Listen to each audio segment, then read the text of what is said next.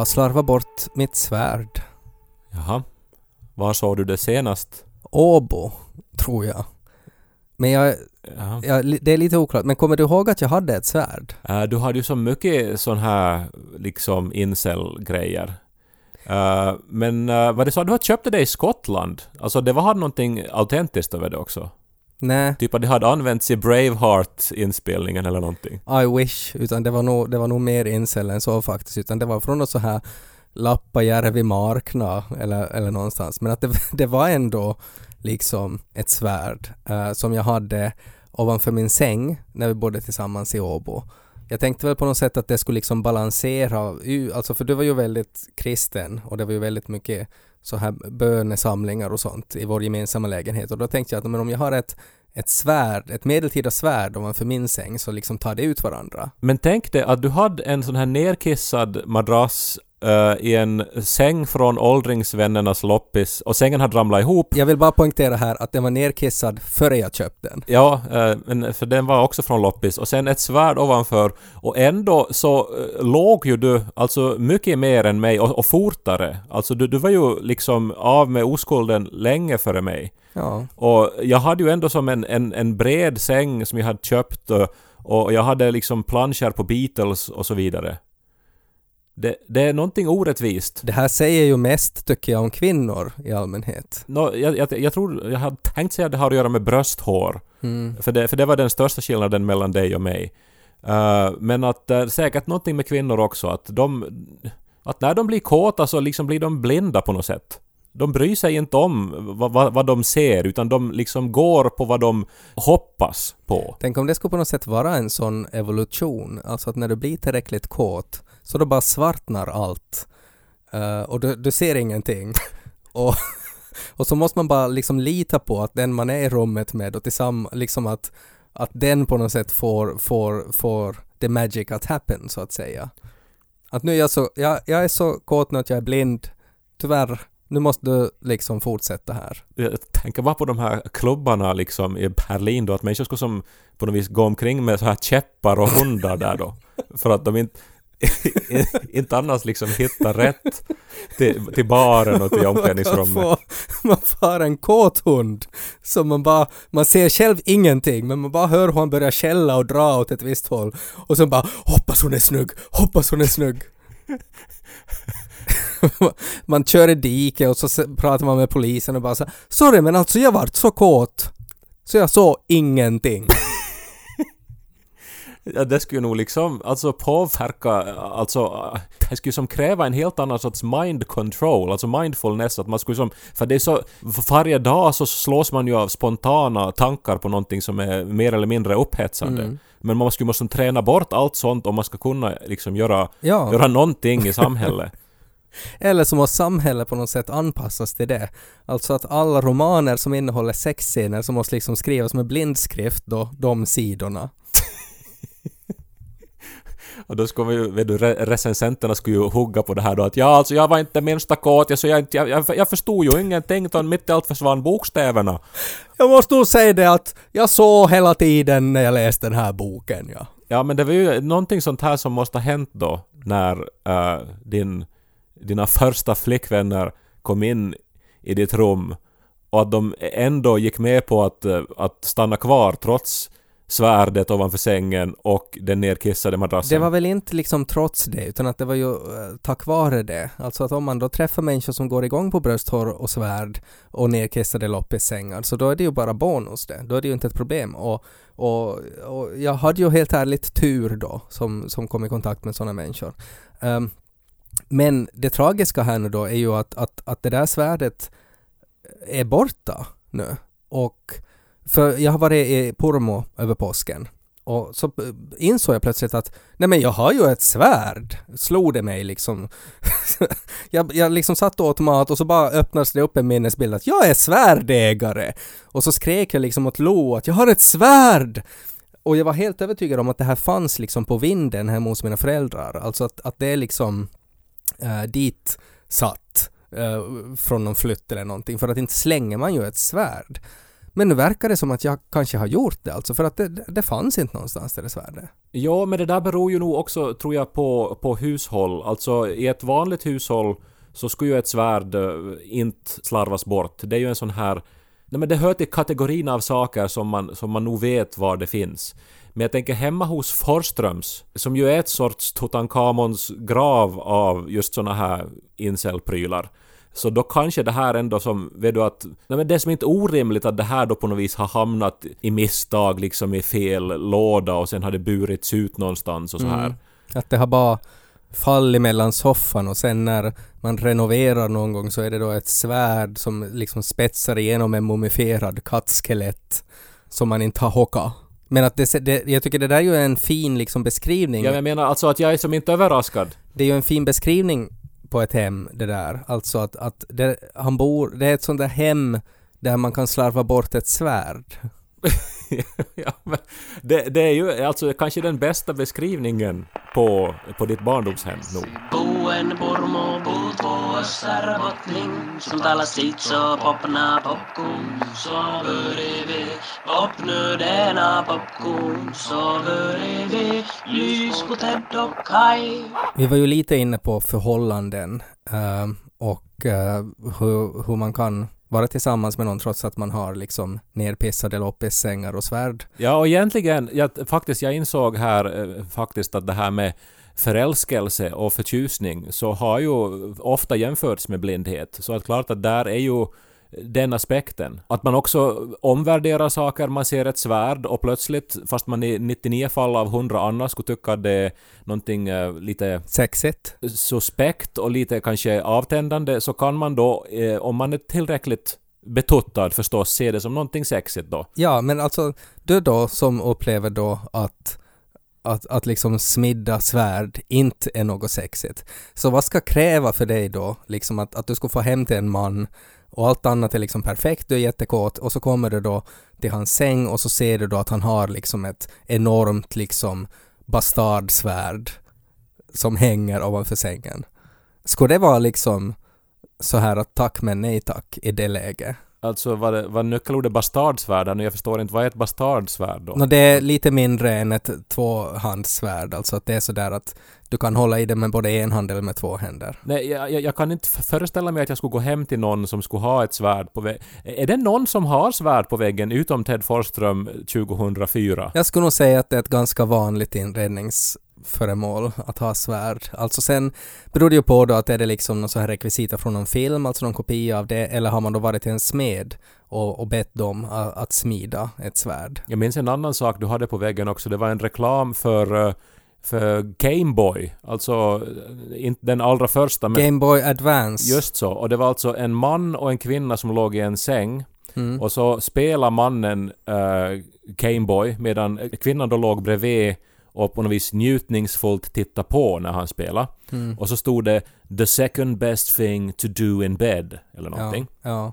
Här är viktigt att poängtera alltså att det var reklam för Game Boy Advance för att de hade ju just en upplyst skärm så att det gick att ligga i sängen och spela i mörkret. Ja, men jag minns att vi har diskuterat det här också, vad dystopiskt det är. Att man då har sin älskling bredvid sig och så sitter man och stirrar på en skärm. Och det här var ju alltså kanske fem år innan smartphones sen blev allmänna. Mm. Att, eh, att, det ble, att det blev ju framtiden. Det är ju det där man gör idag. Det, det är ju det, er, erotikdödaren nummer ett är ju alla plattor och telefoner och ja, appar. jag tycker också att om man tänker sådär på Venn-diagram och människor som spelar Game Boy Advance och människor som använder svärd som inredning så de går ju ganska, liksom om vi har de två båda cirklarna och sen i mitten är då Ted Forsström. Alltså att de hänger ihop tycker jag. Men det är ju alltså, jag menar om det skulle, alltså om IKEA skulle ha en incel-avdelning så är det ju de- här sakerna som skulle finnas där. Alltså, Men jag var incel innan det var ett begrepp. Det är väl det som är grejen. jo men grejen, eh, jo men det fascinerande är ju att du inte var incel. För att du hade ju, alltså det var ju en, en stridström av kvinnor som ville in i ditt rum. Men jag tror ju att det var nog någonting med det där svärdet också. Alltså skulle det bara ha varit den där Gameboy-planschen så skulle det kanske ha tagit slut där.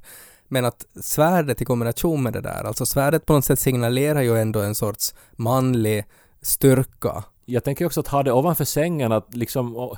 du, om, om det skulle ramla mitt i natten och du vaknar då spetsad på ditt svärd. Ja, det är en sån här risk man tar när man sover i min säng. Ja, men... Men det som ju är intressant här nu, alltså som jag lite försökte styra in det på det här, är ju att uh, Janika skulle ju aldrig ha blivit tillsammans med någon eh, som, som har ett svärd ovanför sängen. Alltså att, att det skulle, hon skulle aldrig gå med på det. Att det har ju nog liksom skett en förändring där och jag skulle kanske inte heller nu så här i första hand ha ett svärd ovanför min säng. Hon uppskattar väl just som Gällivarehäng och så här liksom en Ford. Du har ju någon sorts pågående fantasi om att hon är raggare, men att hon är ju verkligen inte. Men av, av några olika, diverse händelser då så är vi då tillsammans, jag och Janika. Vi är ju, alltså det, det är ju på ett sätt väldigt talande liksom det att jag hade ett svärd på väggen och, och hon är ju någon, no, liksom motsatsen till en person som hade ett svärd på väggen.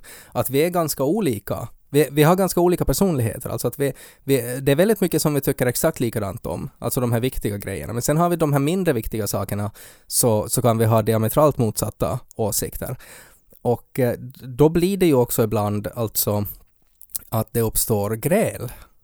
Och jag tror nu att jag på något sätt slog rekord i liksom den dummaste orsaken att, att, att på något sätt orsaka ett gräl. Alltså det var någonting som, som, som du uh, startade från ingenting. Ja, alltså det var en kommentar som, jag, jag, jag sa en kommentar som i min värld var väldigt oskyldig och att nästan till och med en sån här kommentar att jag liksom ansträngde mig att säga någonting liksom bra och så när jag sa det så såg jag direkt att nu får det fel och så kändes det som att det var som en film i slow motion, alltså att jag såg lavinen komma och det fanns ingenting jag kunde göra för att förhindra det att det här skulle bli ett gräl och att jag hann till och med tänka att tänk om det här blir till ett gräl bara för att jag sa det där.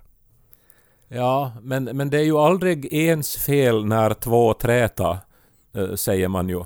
Och uh, nu är det ju så att, att man kan ju välja att tolka någon välvilligt eller att tolka någon då på värsta möjliga sätt då. Ja, och men då, man är ju ansvarig för att inte eskalera. Det är ju liksom Joe Bidens strategi uh, med Ryssland just nu också. Att inte, Mm. det, det ska inte eskalera Nej. om det bara går att undvika. Nej, men sen kan man ju ha olika referenser också. Alltså att om man kommer från olika världar, alltså att om, om den ena kommer från den världen där man har svärd på väggen och den andra inte kommer från den världen, så då finns det ju stor risk också att man på något sätt associerar annorlunda gällande vissa saker.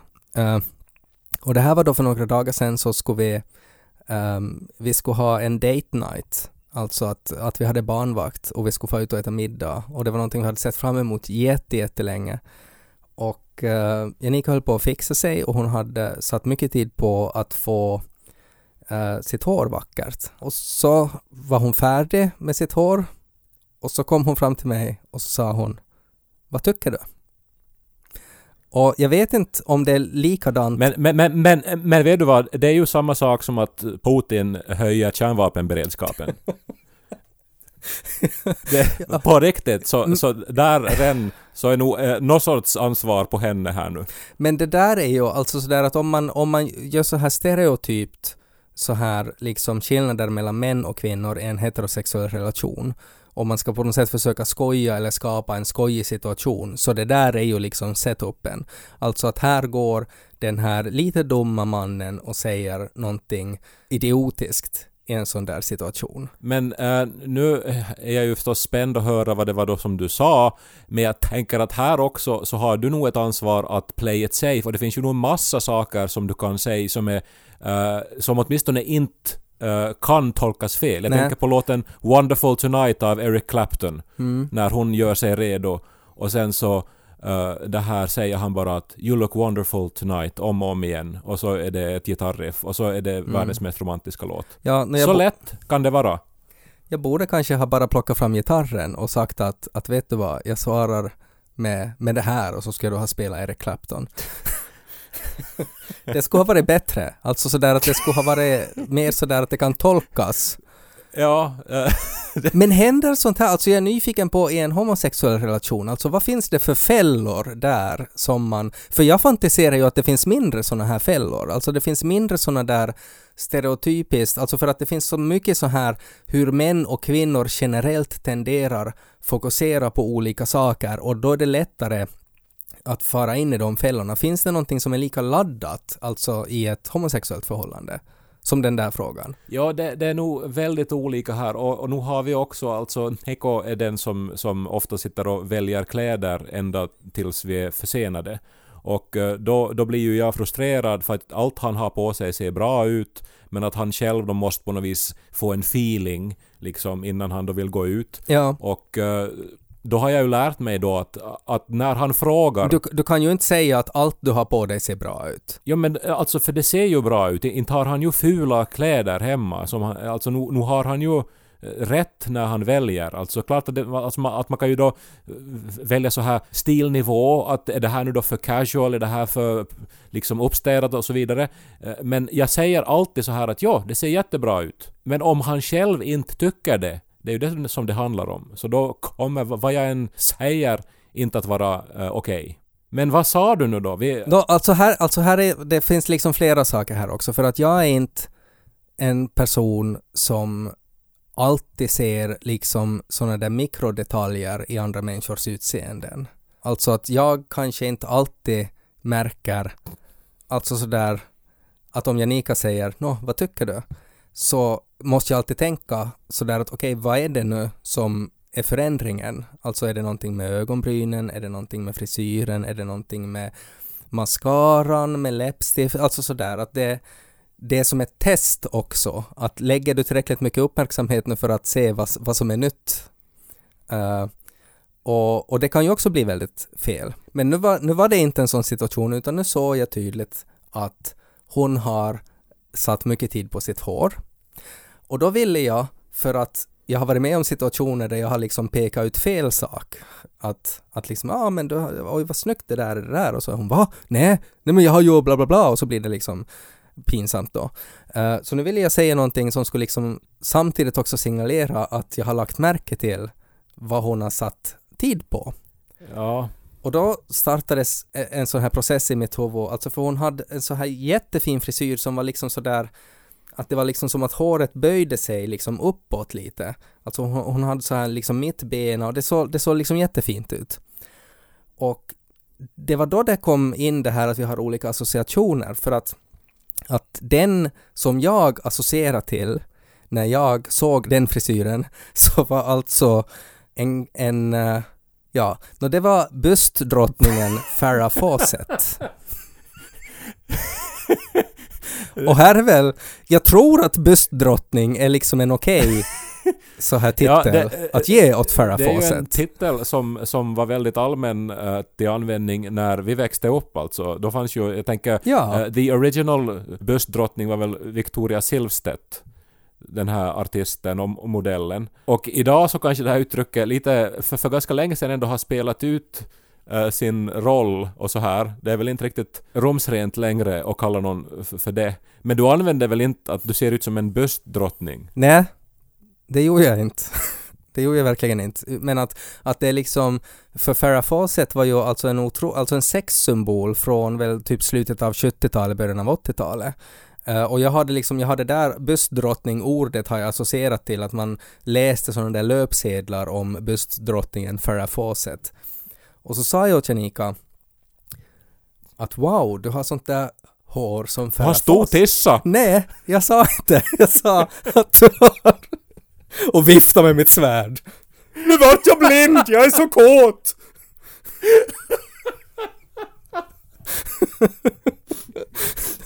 Nej. jag sa att wow, att du har hår som Farrah Fawcett.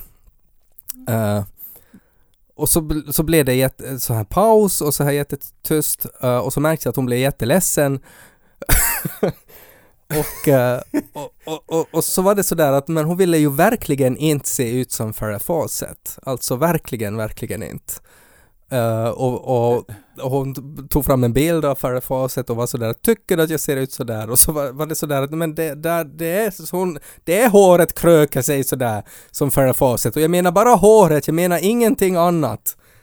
Ja, Och så blev det liksom det där alltså på något sätt var så känsligt för att hon hade satt så mycket tid på och hade sett så mycket fram emot att vi skulle få ut och äta och hon hade fixat sig och det skulle, allt skulle vara perfekt och så kommer jag då och säger att hon ser ut som, som en sexsymbol från 70-talet. Och jag kunde inte tro, alltså sådär att om någon skulle säga åt mig att du ser ut som en sexsymbol från 70-talet, så i min värld så kan jag bara ta det positivt. men eh, om man skulle säga då att du ser ut som Ron Jeremy, alltså en sexsymbol från 70-talet. Uh, alltså det, det är ju, i och för sig han har haft en brokig karriär sen dess, det kanske inte Farrah Fawcett har haft. Nej, jag, jag skulle väl kanske inte likställa dem riktigt alltså eftersom han är ju i porrindustrin. Men, ja, no, men det var ju alltså, enough. men, men så här alltså att hon tolkade det som att jag skulle ha sagt det. Alltså Farrah Fawcett i Janikas huvud är likställt med Ron Jeremy ungefär. Alltså där är de ungefär på samma nivå. Så att det var liksom som en förolämpning.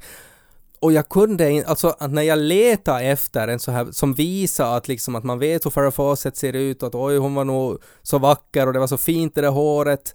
Att jag, jag på något sätt letar efter den perfekta kommentaren som visar att jag har lagt märke till vad hon har fixat. Och så blev det totalt fel. Ja, men, men du var lite väl avancerad. Alltså dels så, så vet du ju inte om hon vet vem Farah Fawcett är. Det vet ju säkert inte allihopa. Och sen också vad har hon för relation eller som för åsikt om Farah Fawcett som, som kändis och om hennes utseende och, så- och så vidare. Det är nog en risk det här ändå. Jag minns, det var ju som när jag skulle prata med kronprinsessan Victoria. Så då började jag ju anklaga henne för att vara en dålig mor. För att jag ville säga någonting intressant. Eh, det har jag berättat om i podden och så här. Men alltså det var som helt onödigt att jag som gick, gick så, så långt eh, in i något sorts märkligt re- resonemang som kunde feltolkas på så många sätt. Att jag borde bara ha sagt att ”Tja Vickan, hur är läget?” och så här. Liksom varit väldigt vanlig skulle ha varit bäst. Precis som du skulle då bara ha spelat ”Wonderful Tonight” av Eric Clapton och så skulle ni ha farit ut på er romantiska dejt. Och sen var ju det värsta då att sen när liksom grälet var ett faktum att nu, nu finns det liksom ingenting jag kan riktigt rädda med det här så sa hon att det var andra gången jag har sagt att hon ser ut som Farah Fawcett. Och att hon blev lika ledsen då också. Och jag har ingen minne alls av det. Det är bara som ett så här tips åt, kanske främst då åt heterosexuella män, att om ni ska jämföra er flickvän eller er sambo eller era fruars utseende med någon, så då måste ni, ni måste liksom veta vilka kvinnor de har liksom redan godkänt. Alltså att vilka utseenden är de okej att jämföras med. Och det måste du ha stenkoll på. Och jag skulle kanske säga att ingenting från 70-talet utan att börja med liksom lite modernare tid tror jag. Eller så säger ni bara att du ser jättebra ut älskling, ska vi gå? Jag bläddrar i bokhyllan, jag befinner mig i Esse i mitt barndomshem. Uh, det är ju annars intressant för att jag sa alltid uh, att det, fanns inga böcker hemma hos oss. Och att det var någonting som jag var väldigt ledsen över för att många av mina vänner hade stora bokhyllor hemma med romaner och biografier och uppslagsverk och jag var alltid avundsjuk på dem för att jag tyckte så mycket om böcker. Men uh, faktum är ju att nu hade vi ju böcker hemma. Vi hade en liten bokhylla och den var full med böcker. Men det var, det var just att det var en... Det var annorlunda böcker. Som till exempel den här som jag hittar nu och som jag tänkt att uh, ju kanske skulle ha varit användbar ändå inför er date night efter det här med Farrah Fawcett. Det är alltså en liten bok som heter Önskar dig allt gott Är det så här tips på självmordsbrev för att jag har tagit livet av mig för att jag förstörde allt? det, det, det är alltså en... Det, den ingår i en serie med eh, olikfärgade böcker och det här är då Den lilla blå boken. Och det står på baksidan Den lilla blå boken är värdefull. Den ska påminna dig om att jag önskar dig allt gott. Just för att du är så värdefull. Och eh, om någon tyckte att den texten då var, var på något vis eh, märklig eller så här platt så ska jag läsa då eh, sidan ett här. Den, alltså det här är då det, det första som står i boken Önskar dig allt gott. Allt ska bli bra. Ja, allt ska bli bra. Allt ska bli bra på alla möjliga sätt. Det var allt då eh, i det kapitlet, eller i Mm. den avdelningen här. Det, det, det finns ju den här sägningen, jag vet inte om det är någon tweet att If you go home with someone and they don't have books, don't fuck them. Uh, när vi nu ändå pratar om det här att, att liksom gå hem till någon, se att de har ett svärd på väggen och uh, ja, hur ska det då påverka ens beslut? If you go home with someone and they have a Game Boy Advance, fuck 'em. Men det är så... Det här är ju en sån här typ av bok som, som egentligen är liksom en antibok. Vet du? Alltså Mm. att det, det är som nästan värre att ha den här boken än att inte ha böcker alls, tänker jag. Ja, alltså att den hånar böcker för att den är så allmängiltig på något sätt. Nej, men det, det är alltså helt otroligt att den här existerar, att någon har liksom idéat den, att någon har tryckt den och eh, att vi då tydligen har köpt den och har den då här i hyllan. Eh, önskar dig allt gott. Men, men jag undrar ännu, för jag, jag tänkte alltså på det här att, att när man då råkar in i ett sånt här gräl som på många sätt är helt oproportionerligt fritt från någon sorts uh, rim och reson och logik är det enda sättet att försöka desarmera en sån situation att använda plattityder, vet du? Att eh, liksom upprepa bara allt ska bli bra, allt ska bli bra, allt ska bli bra, ja, det blir det. Önskar dig allt gott. Jag tror ju att i de flesta gräl eh, så är, skulle det där vara en ganska bra taktik. Alltså för att det finns alltid risken alltså att ju mer specifik du, du försöker vara, som i Farah Fawcett-exemplet, så kan det träffa fel. Så därför är ju, ju mer allmän du är så desto större Alltså desto mindre risk finns det att någonting kan tolkas på ett annat sätt utan att nej, allt ska bli bra. Eller, eller jag menar, där, om du, du är sådär att liksom att, att varför gör någon en sån där bok? Så då, ett alternativ är ju att det där skulle vara liksom att målgruppen här så skulle vara då heterosexuella män som på något sätt hamnar i gräl och så skulle det vara liksom väldigt specifika små böcker. Att det skulle finnas en bok som skulle heta att, att när du har jämfört din flickvän med Farah Fawcetts utseende från 70-talet och hon inte tycker det är en bra sak. Och så är det bara sidan ett. Allt ska bli bra. Allt kommer att bli bra. Så, så har man den där i fickan och så tar man fram den och bara bläddrar och så har du färdiga repliker. För att det är så lätt hänt att du liksom gräver gropen större. Ja, gå på plattityderna. För att alltså riskera inte kvällen. eh, just i det här ögonblicket. Nej, och ju mer, alltså ju mer specifikt du tänkt vara, så desto mer säker måste du vara på din sak. Alltså har du ett svärd ovanför din säng när du är singel, då är det ju en väldigt specifik sort du försöker attrahera, men att det kan ju också backfira och så tar det slut då i sovrummet. Då är det bättre kanske att du har ett mer, alltså ett mer allmängiltigt föremål på väggen ovanför sängen istället för just ett svärd kanske. Hur är det med sådana här pokalskåp som ju vissa sådana här eh, idrottare hade? Sådana här enorma vitriner Mm. med rad efter rad, alltså oändligt med pokaler från alla distriktstävlingar. Det är ju alltså lite samma som ett svärd, alltså att där, där kan också vara signalera fel åt vissa människor.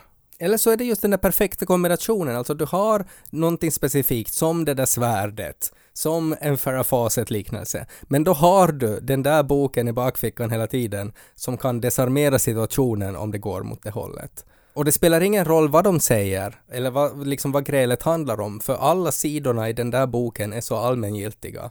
Så du kan, du kan bläddra till vilken sida som helst och så är det liksom svaret mot någonting. Vi kan testa det här. Hur kan du tycka att jag ser ut som Farah Fawcett? Och så bläddrar du till en sida och ser vad det kommer för svar. Herre, var hos mig när min kväll kommer och jag ska dra härifrån. Ja, Va? in, inte, inte jättebra. Okej, om vi testar så här då. Hur kan du ha ett svärd ovanför sängen? För Gud är allting möjligt. det är ju en bra, ett bra svar Ja, i och för sig. Ganska bra. Ja, För Gud är allt möjligt. i nästa gräl ska jag använda den repliken. Då skulle nog också jag gå ner på den nedkissade madrassen.